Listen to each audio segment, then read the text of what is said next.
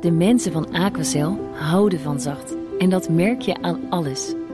Dankzij hen hebben we nu echt zacht water en een kalkvrij huis. Voor hun klanten zijn ze zacht. Dat zijn ze trouwens ook voor elkaar. Voor ons zijn zij de kracht van zacht. Aquacel. 100% zacht water, 100% kalkvrij. BNR Nieuwsradio. BNR breekt. Kees Dorrestein. Goedemorgen, goed dat je erbij bent. We gaan jouw werkdag weer onderbreken met een discussie over het nieuws. Vanaf half twaalf praat ik met het panel onder andere over de klimaattop in Egypte. Die eindigt vandaag, of ja, eigenlijk toch niet. Want ja, er wordt toch nog wel gezocht naar een akkoord. Is een akkoord nogal haalbaar? Of is het helemaal niet erg als er nog geen akkoord komt? Want volgend jaar hebben we gewoon weer een klimaattop.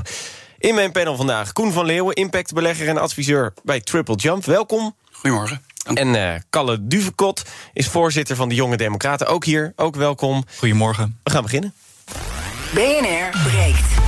Breekijzer. En de breekijzer heeft te maken met het schreeuwend tekort aan vakmensen. Want er is werk aan de winkel, zegt minister Dijkgraaf van Onderwijs. We moeten alles aan doen om jonge mensen nou ja, zover te krijgen... dat ze deze banen die een hele goede toekomst hebben... en trouwens waar je nu onmiddellijk aan het werk kan... Uh, om ze daarvoor te stimuleren. Nou, dat zegt hij tegen BNR. Werkgevers moeten hun banen aantrekkelijker maken... want dat tekort zorgt voor allerlei vertragingen. Bijvoorbeeld in het uitbreiden van het elektriciteitsnet. En de energietransitie heb je allemaal vakmensen voor nodig. Bijkomend voordeel volgens Dijkgraaf. Deze banen hebben een vooruitzicht. Je kan erin doorgroeien, zegt hij. Je wil niet een dead-end job hebben. Je wil een baan hebben waar je verder gaat... waar je weet dat er... Uh, nog uh, mooie nieuwe stappen in het vooruitzicht liggen. Ja, en wij gooien even de knuppel in het hoenderhok wat dat betreft. Het breekijzer vandaag. Stop met studies zonder toekomstperspectief. Leer eens een nuttig vak. Wat denk jij? Eens of oneens? 020 468 4 keer 0 Bel nu. Denk je bijvoorbeeld eens, ja, er moet wat gedaan worden... aan al die managers, communicatiewetenschappers... sociologen, geschiedenisstudenten en ga zo maar door. Of denk je oneens... Laat mensen toch lekker studeren wat ze willen. Een studie zegt ook niet alles en je kan er uiteindelijk vast wel wat nuttigs mee gaan doen. Je hebt in ieder geval een hoog onderwijsniveau. 020 468 4 keer 0. En ook uh, bij ons is uh, Victor Venhorst, universitair hoofddocent onderwijs en arbeidsmarkt aan de Rijksuniversiteit Groningen. Goedemorgen. Goedemorgen. Allereerst, uh, ik ga even aan het panel de, de stelling voorleggen. En ook allereerst aan u, en daarna gaan we er dieper op in. Eens of oneens? Ik ben het oneens met deze stelling. En waarom? Nou, volgens mij bestaan dat soort opleidingen helemaal niet. Oh, oké. Okay. Dan, ik, ik noemde net al bijvoorbeeld sociologie, geschiedenis. Uh, op het moment dat je daar dan niet de, de geschiedenis mee, mee ingaat... bijvoorbeeld het als onderwijzer... Uh, ja, wat heb je dan geleerd eigenlijk uh, voor, voor het bedrijfsleven? Nou, dat is precies waar de vraag om draait. Kijk, um, ik kan hem ook even omdraaien. Hè. Het is natuurlijk zo dat er, er verschillen zijn tussen opleidingen als het gaat hoe, uh, hoe soepel de intrede op de arbeidsmarkt verloopt. Daar, uh, dat begrijpt iedereen. Maar uiteindelijk is er volgens mij geen enkele opleiding in Nederland waarvoor de werkloosheid 100% is. Mooi, dan gaan we daar zo meteen over verder praten. Maar eerst naar het panel. Uh, Koen, welke opleiding heb je gevolgd? Uh, nou, een bachelor economie en een master organisatiewetenschappen. En ik ja. doe nu nog een master investment management. Ja, dus ja. Dus, ja, dat is wel redelijk concreet, hè? Ja, ja zeer concreet. Ja. En nee, is makkelijk werk in te vinden. Uh, zeker, ja. En dat is dan dus ook gelijk de vraag. Hè. Is, het, uh, is, het, is het van belang dat je er werk in kan vinden... of dat je daadwerkelijk waarde toevoegt aan de maatschappij? Dus, hè, um, en ik denk dat, dat ik het ook oneens ben met de stelling. Dus het verbieden van studie maakt niet uit. Ik denk dat je de banen aantrekkelijk moet maken. En de benadering is ook wat utilistisch. Want als je een studie kijkt alleen naar het, het, nut van... en bijvoorbeeld niet voor een persoonlijke verbreding of een inzicht... of hè, een Je kan niet aan elke studie een bedrag hangen eigenlijk. Onder andere, ja, precies. Ja een onderdeel van het BBP. Ja, zeker. Maar, maar, zou dat niet goed zijn? Dat je eigenlijk zegt per studie dat je berekent... wat draagt die bij aan het BBP... of wat verlies je aan het BBP op het moment dat je uh, dit soort studies niet hebt? Bijvoorbeeld door sociologie zou je misschien ook weer heel veel kunnen verliezen... op het moment dat het niet lekker is. Ja, maar ik denk dat bijvoorbeeld het, he, een, een, een, opleiding tot verpleegkundige... dat het misschien he, in financiële termen weinig bijdraagt aan het BBP... maar het is wel een hele belangrijke baan. Ja. Dus uh, dat is denk ik lastig in geld uit te drukken. Dus ik denk dat het... Uh, dat, dat de stelling wat te scherp is. Uh, deze. Oké, okay, Kalle, eens of oneens? Oneens. Oneens. Ja, allereerst ook bij jou. Wat studeer je of wat heb je gestudeerd? Ik ben net klaar met mijn bachelor politieke wetenschappen. Oeh, maar dat zou wel in de categorie kunnen vallen van wat, wat heb je eraan? Eh, ben je ook van plan om uiteindelijk echt de politiek in te gaan? Nou, als uh, politicoloog word je niet opgeleid tot politicus. Dat, is, dat is echt een verschil. Ik krijg niet te leren mhm. hoe ik moet debatteren, onderhandelen, et cetera. Uh, maar hoe ik juist het proces van de politiek kan bestuderen. Um, en uh, ook die mensen hebben we heel erg nodig. kijk bijvoorbeeld naar Peilingwijzer. een ontzettend goede wijzer van wat Nederland misschien gaat stemmen. Hoe de partijen ervoor staan.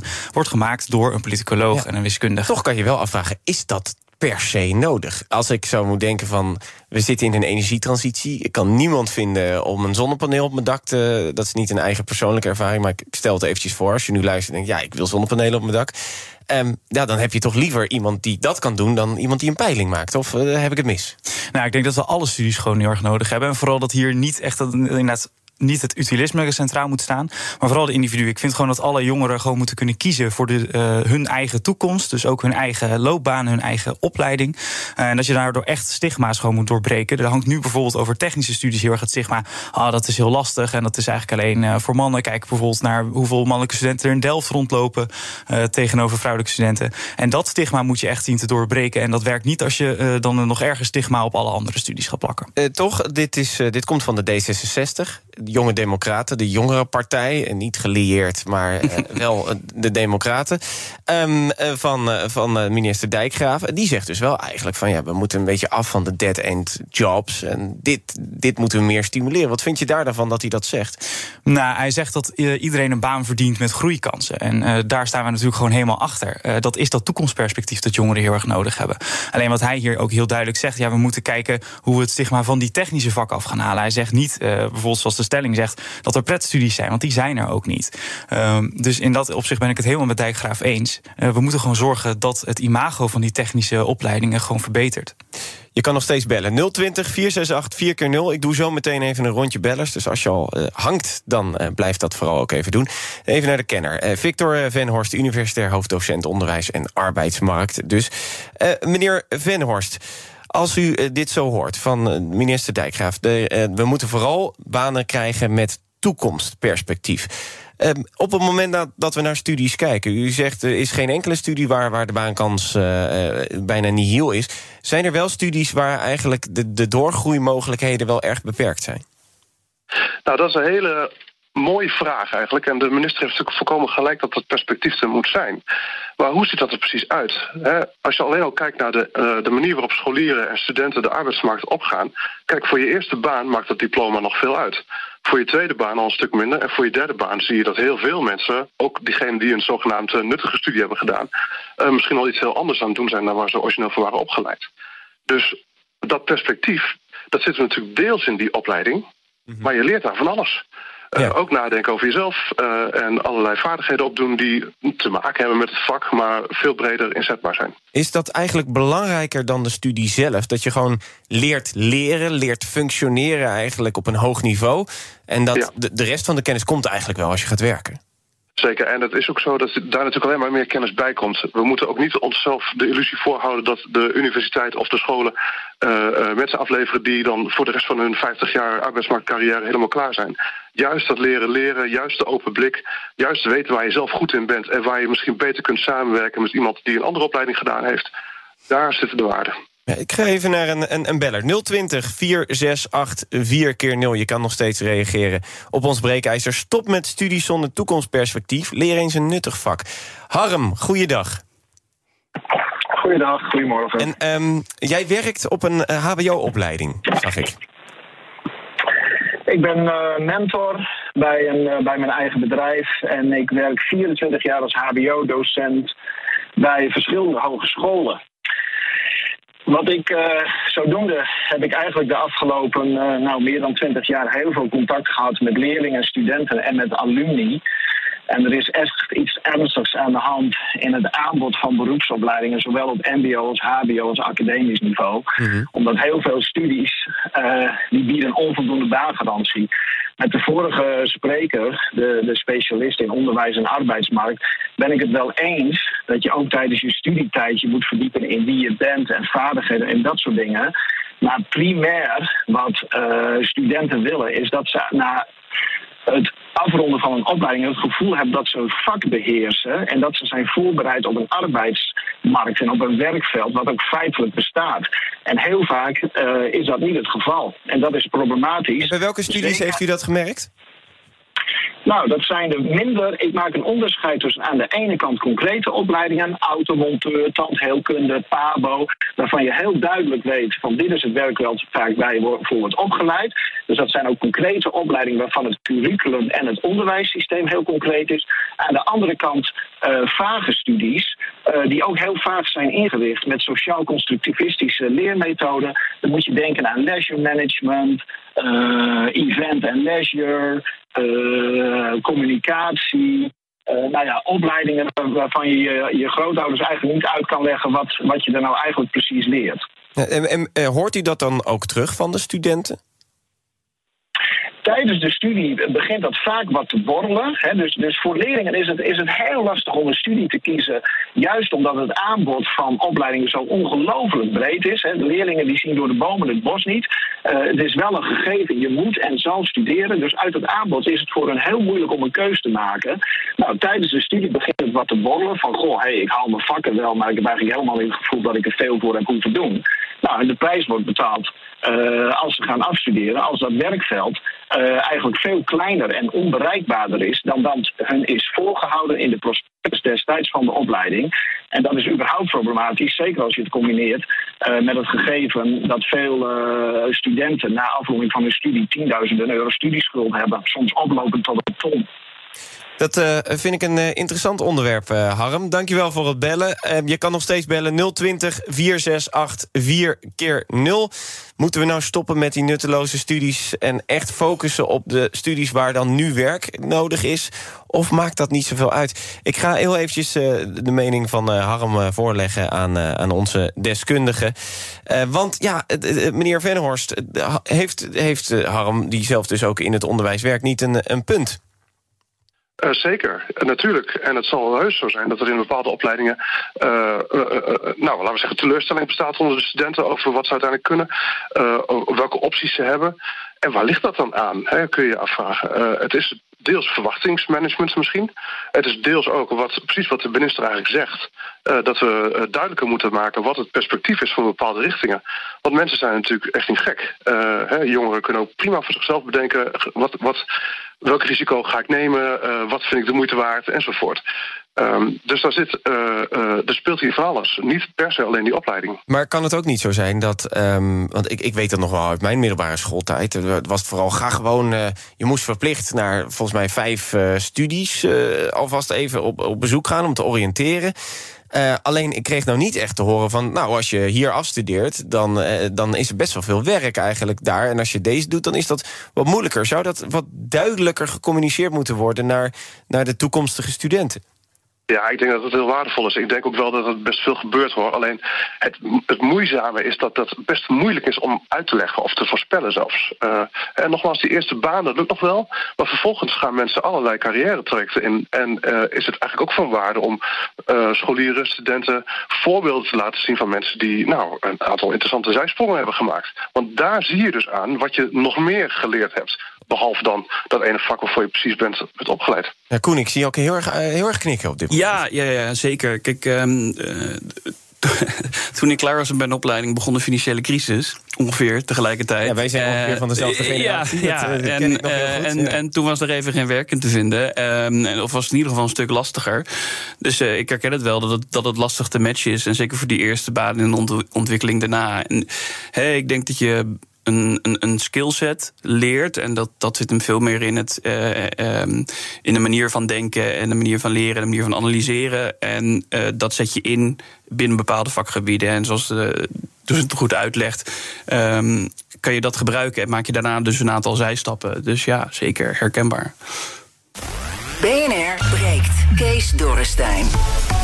Ja, ik niet alleen. Ook Koen van Leeuwen, impactbelegger en adviseur bij Triple Jump in het panel. Kalle Duivenkot, voorzitter van de Jonge Democraten in het panel. Ons breekijzer is stop met studies zonder toekomstperspectief. Leer eens een nuttig vak. Nou, 020 468 4 keer 0 kan je nog voor bellen. En we spreken ook met Victor Venhorst, universitair hoofddocent onderwijs en arbeidsmarkt aan de Rijksuniversiteit Groningen. Uh, meneer Venhorst, Um, nu vraag ik mij ook af, uh, want wat, uh, ik hoor eigenlijk vanuit alle kanten, vanuit het panel, vanuit u, van je, je leert ook een, een bepaald basisniveau. En het is ook aan werkgevers om je dan uh, om je tot, tot het niveau wat nodig is voor dat bedrijf te brengen. Maar zijn werkgevers daar genoeg mee bezig? Of willen ze toch het liefst iemand die helemaal kant en klaar is, die helemaal direct in de Formule 1 kan rijden, bewijs van? Ik vraag me dat echt af of dat zo is. Uh, kijk, de, de gemiddelde werkgever heeft uh, uh, denk ik best goed voor ogen wat ze op dit moment nodig hebben. Hè, hoe past het in de organisatie? Maar ook de werkgever heeft hetzelfde probleem als iedereen, namelijk wat gebeurt er over vijf jaar?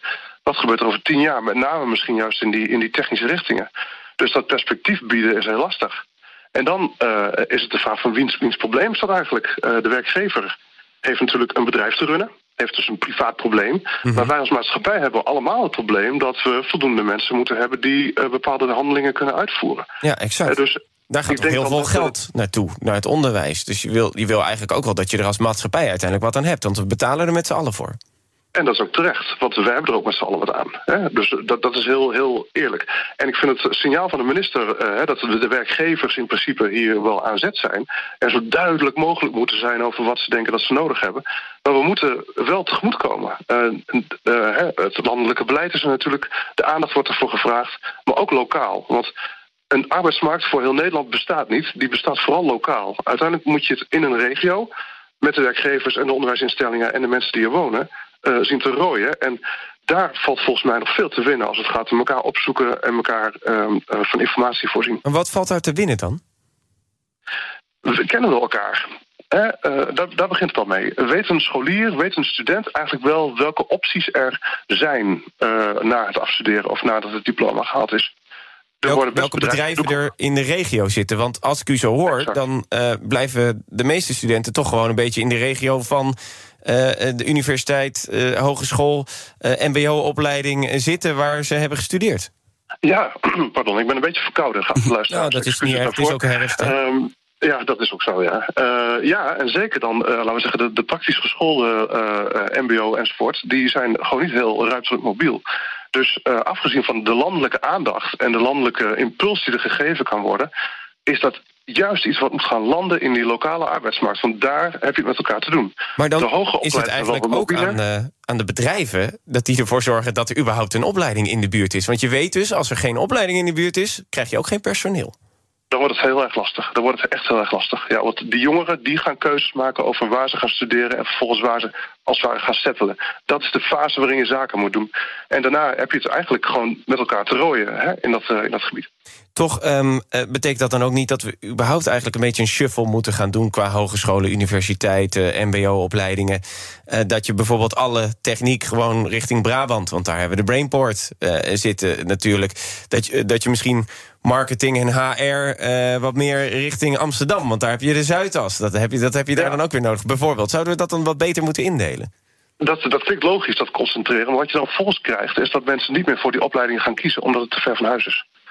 En dan heb je eigenlijk het paard achter de wagen gespannen. Ja, dat is, dat is inderdaad ook. Toch, toch heel even terug naar die werkgevers. Moeten die uiteindelijk ja. gewoon niet. Ik kan me best voorstellen dat er nu een CEO aan het luisteren is die denkt: ik heb een echt schrijnend personeelstekort. Uh, moeten we daar dan eigenlijk ook niet tegen zeggen van je moet gewoon veel minder kieskeurig doen, joh. Neem gewoon iemand aan die een opleiding heeft genoten, de rest leer je wel. Ja, dat is wel uh, nou, het is makkelijker gezegd dan gedaan, denk ik. ik. Ik denk zeker dat er nog laaghangend fruit is, hoor. Want als je kijkt naar het aantal inactieven, uh, dan, dan is daar zeker wat te winnen. En we zijn nog steeds parttime uh, kampioen van de wereld zo ongeveer. Uh, hè, dus daar valt vast te winnen. Maar ik denk ook dat we realistisch moeten zijn en dus goed moeten kijken naar wat er feitelijk mogelijk is.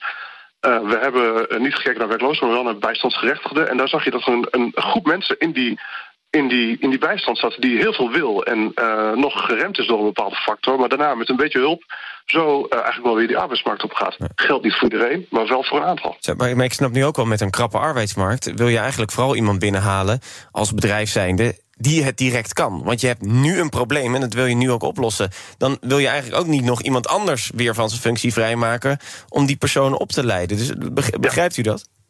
Dat begrijp ik zeker, maar de wal zal wel keren op een gegeven moment. Ja, waarom denkt u dat? ik denk dat uh, uiteindelijk is het een verhaal van kosten en opbrengsten. Kijk, elke werkgever kan rekenen.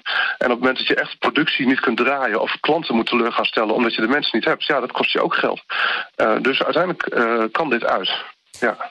Kalle, um, de, zit jij al op het punt dat je de arbeidsmarkt nu opgaat, of toch op het punt van ik doe nog een master? Ik uh, ga sowieso nog een master doen, ja. Ja, dus, maar dus, je, dus wat dat betreft heb je wat minder ervaring van... Uh, stel je wel iets anders gaan doen... of je dan makkelijk kan binnenstromen bij werkgevers. Uh, voor mij persoonlijk heb ik me daar nog niet helemaal op georiënteerd. Nee, nee maar hou je er ook al rekening mee... dat je dus niet je hele leven bijvoorbeeld uh, peilingen kan maken of andere zaken? Ja, ja, nee, daar hou ik zeker rekening mee. Ook toen ik eh, de voorlichting van deze studie ging doen, werd er wel een heel mooi overzicht gegeven van hé, hey, uh, waar gaan uiteindelijk mensen die deze studie hebben gedaan? Dat werken? is goed gedaan daar. Dat is daar goed gedaan, uh, met cijfers en alles. En maar 17% van, van de politicologen blijft een beetje in de omgeving van de politiek en de consultancy hangen. en de waar, rest gaat, gaat, gaat, gaat, de rest naartoe dan? de rest worden voornamelijk adviseurs, bijvoorbeeld bij een, een, grote, grote bedrijven. Die, ik zie je heel hard lachen. ja, nee, nee, omdat er gesproken wordt over consultancy. En dan vervolgens zeggen, waar ga je dan naartoe? Ja, ik word adviseur. Dus het. Oh ja, nee, sorry. Maar het, uh, nee, nee, nee, maar zeg maar, consultancy echt in de buurt van de overheid, ja, ja. Uh, bedoel ik. En uh, vervolgens heb je inderdaad ook dan een hele hoop andere, andere takken van sport. meer de lobbykant, et cetera. Dat is er nog steeds heel erg mee verweven. Mm -hmm. maar dan zit je wel heel erg in de private sector. En ja. er zijn ook, omdat het veel raakvlak heeft met sociale wetenschappen. Het is mm -hmm. een mhm. sociale wetenschap. heb je daarin ook een hele hoop overstapmogelijkheden. Je kan makkelijk naar economie, naar, uh, naar, bestuurskunde overstappen, et cetera. Ja, nee, ik zie ook meneer Huigens heeft een reactie achtergelaten. die zegt ook: laten we niet vergeten dat studenten nog heel jong zijn. En dus niet voor eeuwig een keuze maken. Ze moeten ook eigenlijk een jaar de tijd hebben om zich te oriënteren en welke kant je op gaat. Koen, nog heel even naar jou. Heb jij uiteindelijk, wat betreft jouw verschillende werkgevers, genoeg kansen gekregen dat je daar binnenkwam om je verder te ontwikkelen? Of merkte je dat ze je echt wel gewoon wilden om wat je al kon en dat moest je gaan doen? Ja, bij beide denk ik. En eh, ontwikkelen kan natuurlijk ook op heel, veel vlakken. Dus ik, ik heb altijd kansen gekregen, dus uh, laten we dat voorop stellen. En die krijg ik nog steeds. Um, en het is ook heel erg, ga je je verder verdiepen in je vakgebied... of meer eh, uh, op, het werkgebied zelf. Dus uh, bijvoorbeeld, hoe ga je met mensen om? Hoe presenteer je? hoe haal je een klant binnen? Dat soort dingen. Dus nee, altijd volop ontwikkelingskans gekregen. Ja. ja. Tot slot, ik ga nog heel eventjes terug naar Victor Venhorst... universitair hoofddocent onderwijs en arbeidsmarkt. Um, uh, op het moment. Uh, de, de, eigenlijk zitten we wel in een situatie dat je niet je hele leven hetzelfde gaat doen. En dat je dus andere stappen moet gaan maken, maar dat dan ook weer je moet verbreden en moet leren om die vakken uiteindelijk te kunnen leren. Is het eigenlijk ook niet zo dat werkgevers ook al bezig moeten zijn met je opleiden voor je, voor je volgende werkgever?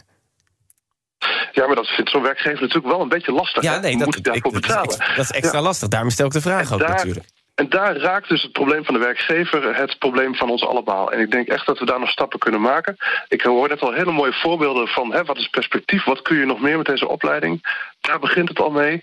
En vervolgens uh, uh, is het faciliteren. Wat kunnen we nog meer met leven lang leren? Wat kunnen de scholen en universiteiten ook met mensen die, laten we zeggen, niet jong zijn? En uh, wat kunnen we daarvoor aanbieden? En wat is het belangrijkste dat een werkgever nu kan doen?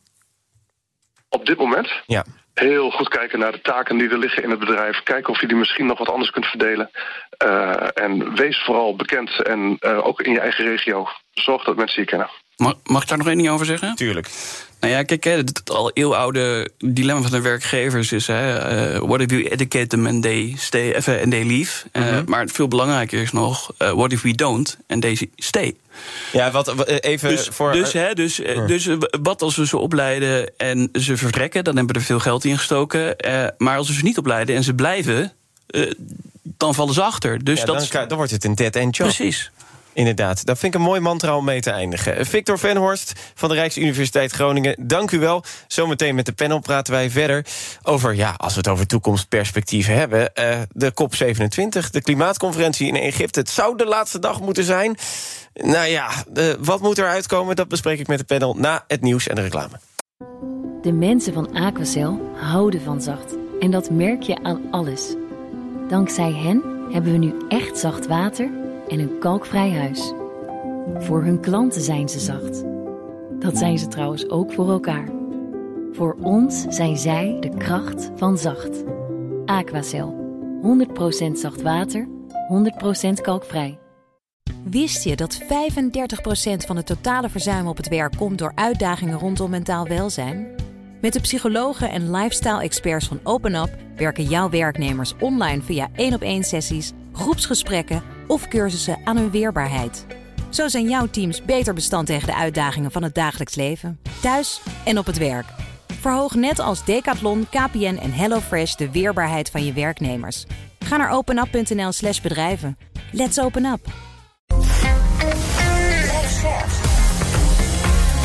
BNR Nieuwsradio.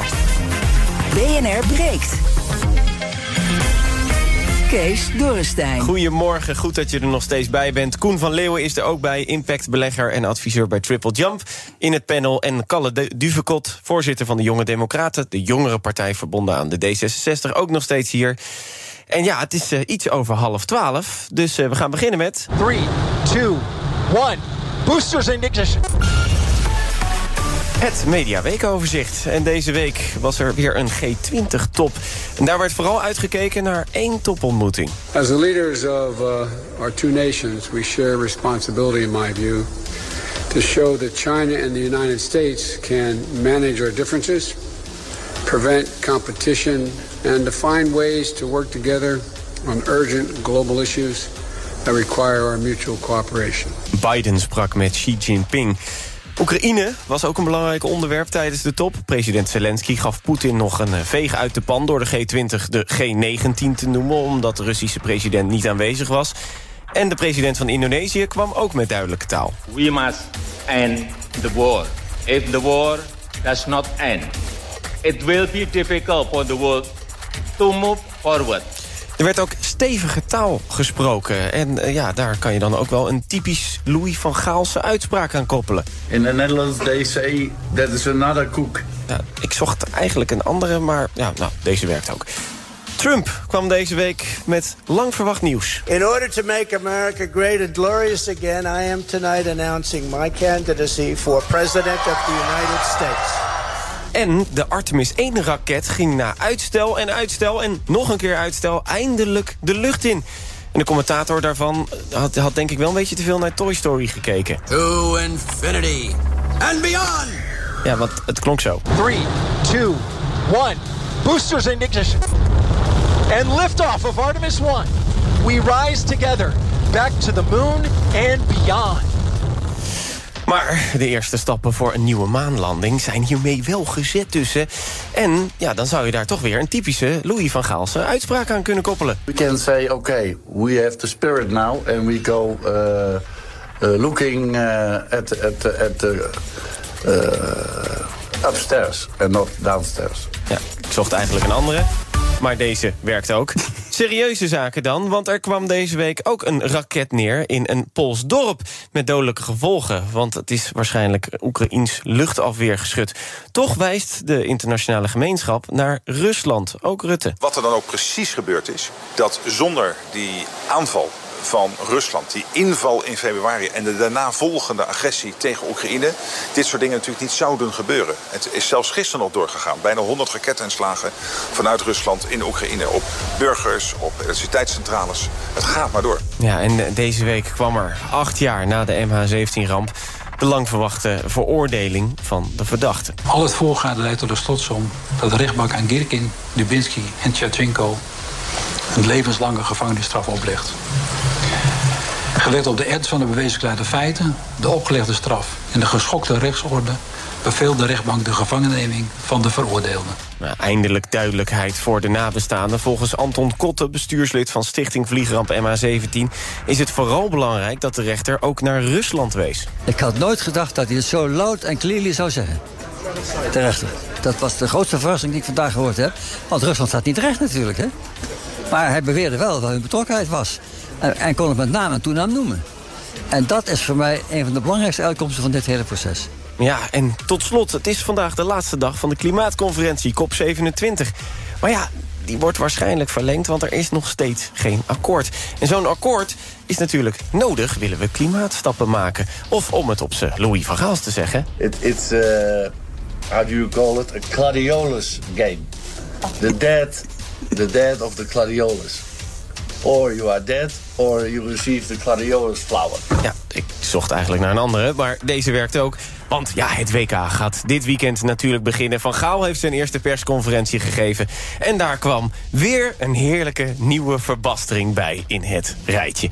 Die we vast vaak gaan horen tijdens het WK. En die ook perfect werkt als je even wat motivatie kan gebruiken. I believe that we can come an end.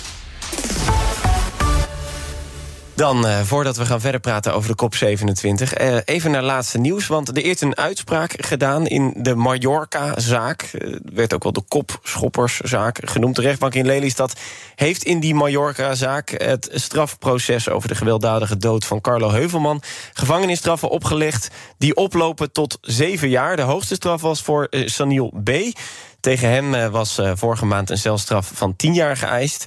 Uiteindelijk krijgt hij dus zeven jaar. Op zijn schoen was een DNA-spoor van, de slachtoffer, van het slachtoffer gevonden. De straf is lager dan geëist vanwege zijn jeugdige leeftijd en blanco strafblad. Dat op het moment dat daar meer bekend over is, dan hoor je dat in het nieuws hier uiteraard. Maar naar die uh, COP27, die klimaattop. En naar het panel. Um, ja, Koen, heb je nog hoop dat er wat uit gaat komen? Ik heb altijd hoop. Uh, dat moet je ook blijven houden. En uh, als je er naar kijkt, het belangrijk is dat, hè, dat we er in ieder geval uitkomen voor afspraken worden gemaakt. En dat als het een verlenging vraagt, dan moeten we dat vooral gewoon doen. Kijk, ze zitten er nu toch al. Ja, nee, dat klopt. En in Glasgow werd er ook langer uh, gesproken. Ja, komt, er een, komt er denk je een akkoord? Uh, ik hoop het heel erg, want het is heel erg nodig. Uh, de secretaris-generaal van de VN heeft dat ook gezegd, uh, Guterre.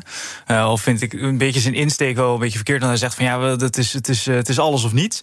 Maar iedere reductie van, van de stijging van de globale temperaturen... die is mooi meegenomen, die hebben we echt nodig. Mm -hmm. want ieder tiende van een, van een graad omhoog levert al ongelooflijk veel meer schade op. En ik hoop ook naar, omdat in dat akkoord ook iets op wordt genomen... over, over klimaatongelijkheid en, en betalingen.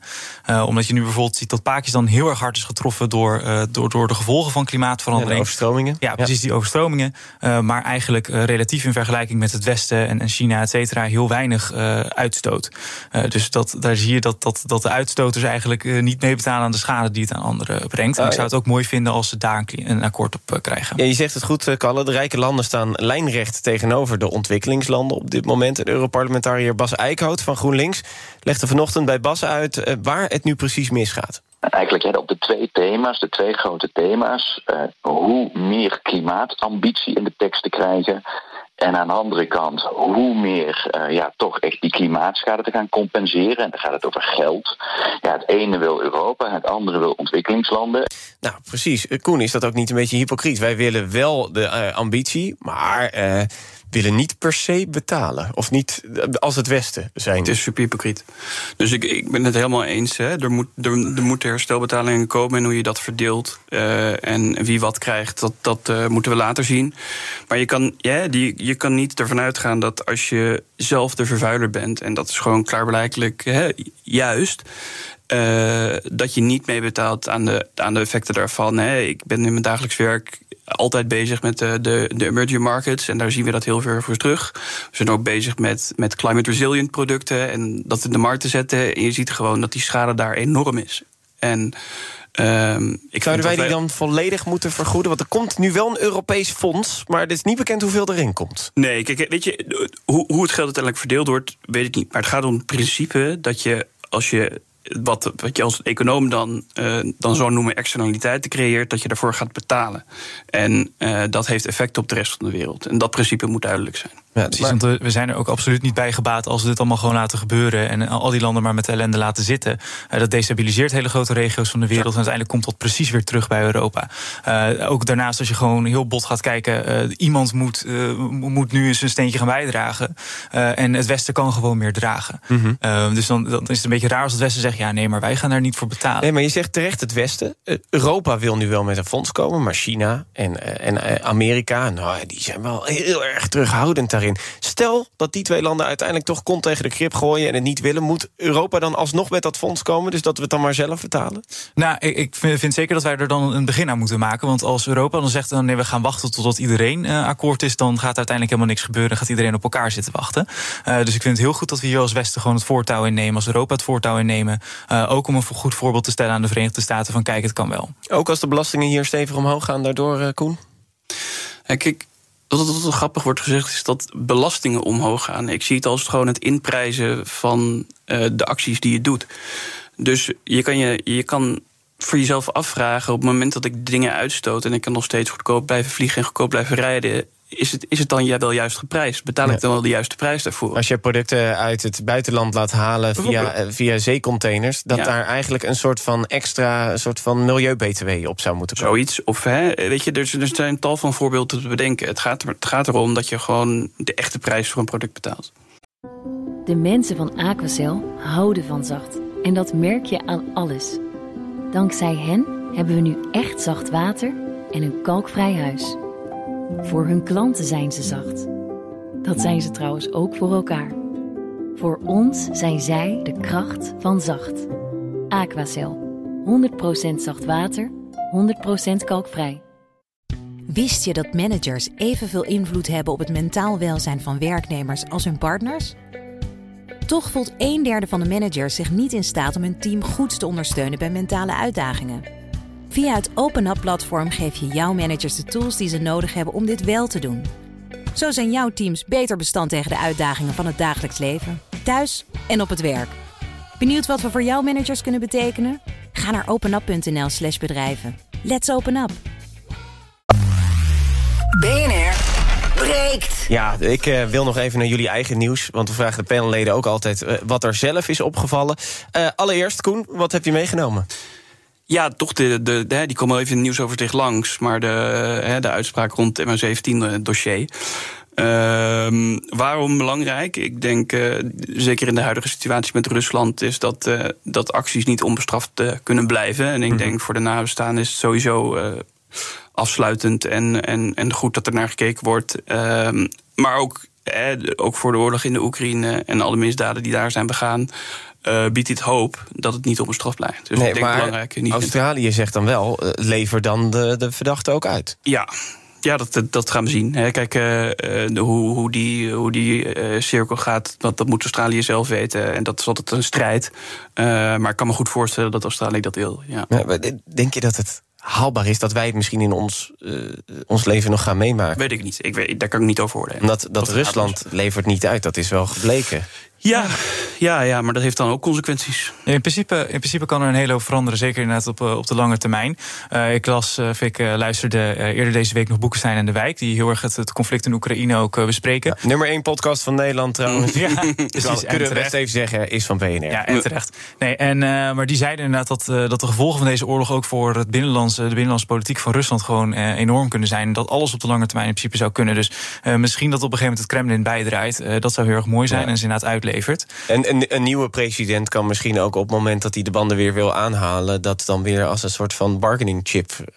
Uh, ja, wie, wie, wie, weet, dat, dat, dat zou heel erg kunnen. Al is het inderdaad heel erg speculeren of er dan een nieuwe president komt en wanneer, et cetera, et cetera. Daar, daar, wil ik me niet aan wagen. Maar uh, het schijnt uh, dat volgens Boek zijn wijk alles op tafel ligt. Oké, okay, dat, dat is, dat, dan wachten wij dat af. Um, Kalle, je hebt ook nieuws meegenomen over hoe je eigenlijk arme wijken uh, aan de energiebesparing krijgt. Ja, ja, ik kwam een heel mooi artikel tegen in de Volkskrant uh, over een initiatief in Soest. Uh, waar ze inderdaad een hele hoop flats hebben, hebben extra geïsoleerd.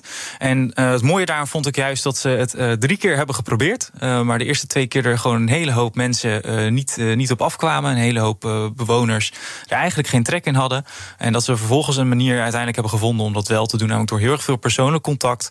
door ook tolken uit de, de wijk zelfs. Dat ook taal, taalverschillen overbrugd konden worden. En mensen echt gewoon vertrouwen hadden in uh, wie er voor hun deur stond en, en, en waarom. Die mensen vertrouwden. Vertrouwden het niet op het moment dat iemand kwam en zegt: Ik wil graag jou. Uh, nee, nee. En, en was dit samen met een woningcorporatie? Was het huurkoop? Um, dat was, uh, uiteindelijk was dat wel met, met, met de gemeente ook samen. Ja. Er was ook uiteindelijk 275 euro subsidie per woning ja. geregeld. Nou, dat kan echt verschil maken. Want mensen die eigenlijk al de verwarming niet kunnen betalen. of niet vijf minuten kunnen douchen. die, ja, die, die hebben ook geen geld voor, voor tochtstrips, et cetera. Mm -hmm. maar wat daar voornamelijk was was gebeurd was dat een paar jaar daarvoor uh, hadden die mensen uh, allemaal slechte energiecontracten aangesmeerd gekregen van mensen die aan de deur kwamen verkopen. Dus toen er vervolgens iemand kwam aan de deur om het over energie te hebben, ging meteen dat wantrouwen omhoog. Uh, en ik, maar ik vind het heel mooi dat ze alsnog gewoon daardoor zijn gegaan. Daar hebben geluisterd naar de inwoners. En echt een manier hebben gevonden waarop ze dat vertrouwen konden herstellen. En ze hebben nu volgens mij bij de eerste flat hebben ze twee derde al weten te isoleren binnen een weekend. En ze gaan volgens mij over een maand door naar het volgende.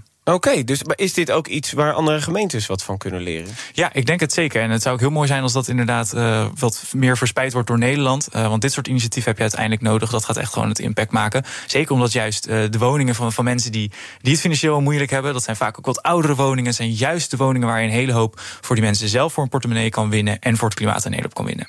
Tot slot, ik heb nog nou, een minuut over. Um, en ik heb nog één vraag eigenlijk voor jullie. Want wij doen niet aan agendajournalistiek. Hè? Dus je, je hoort heel vaak bij, bij, de, de, bij de concurrenten bijvoorbeeld... het is de dag van en het is de dag van. En dan denk ik, nee joh, breng gewoon het nieuws van vandaag. Maar het is wel, heel erg BNR, de dag van de ondernemer vandaag. Alleen dan vraag ik me af, hoe moeten we dat vieren? Moet je bij de lokale ondernemer wat gaan kopen of zo? Wat, wat zijn jullie ideeën? Hoe vieren we de dag van de ondernemer? Misschien uh, door zelf uh, een idee te bedenken. Zelf een onderneming ja, te starten? Ja, een businessidee of zo. Ja, of een onderneming te starten. Of uh, inderdaad bij de, de ondernemer langs te gaan. Of, uh, ja. ja, of misschien eindelijk de, de, de energiesteun, de techregeling eerder uit te betalen. Dat, ja. dat zou natuurlijk ook... Heb je een idee? Ja, nee, ik zou, ik zou vooral focussen op het feit dat we inderdaad hier gewoon uh, redelijk vrij kunnen ondernemen. Dat als je een idee hebt, hoe, uh, hoe controversieel of hoe progressief het ook is, uh, dat je dat dan ook gewoon naar de markt kan brengen. En dat daar niet allemaal, allemaal rare regels van de overheid aan zitten. Bijvoorbeeld een, een voorbeeld, wij hebben allemaal dating apps. Nou, die, dat zijn ook allemaal commerciële onder, ondernemingen, et cetera. Een hele van die dating apps zouden in een land als Qatar bijvoorbeeld al niet kunnen.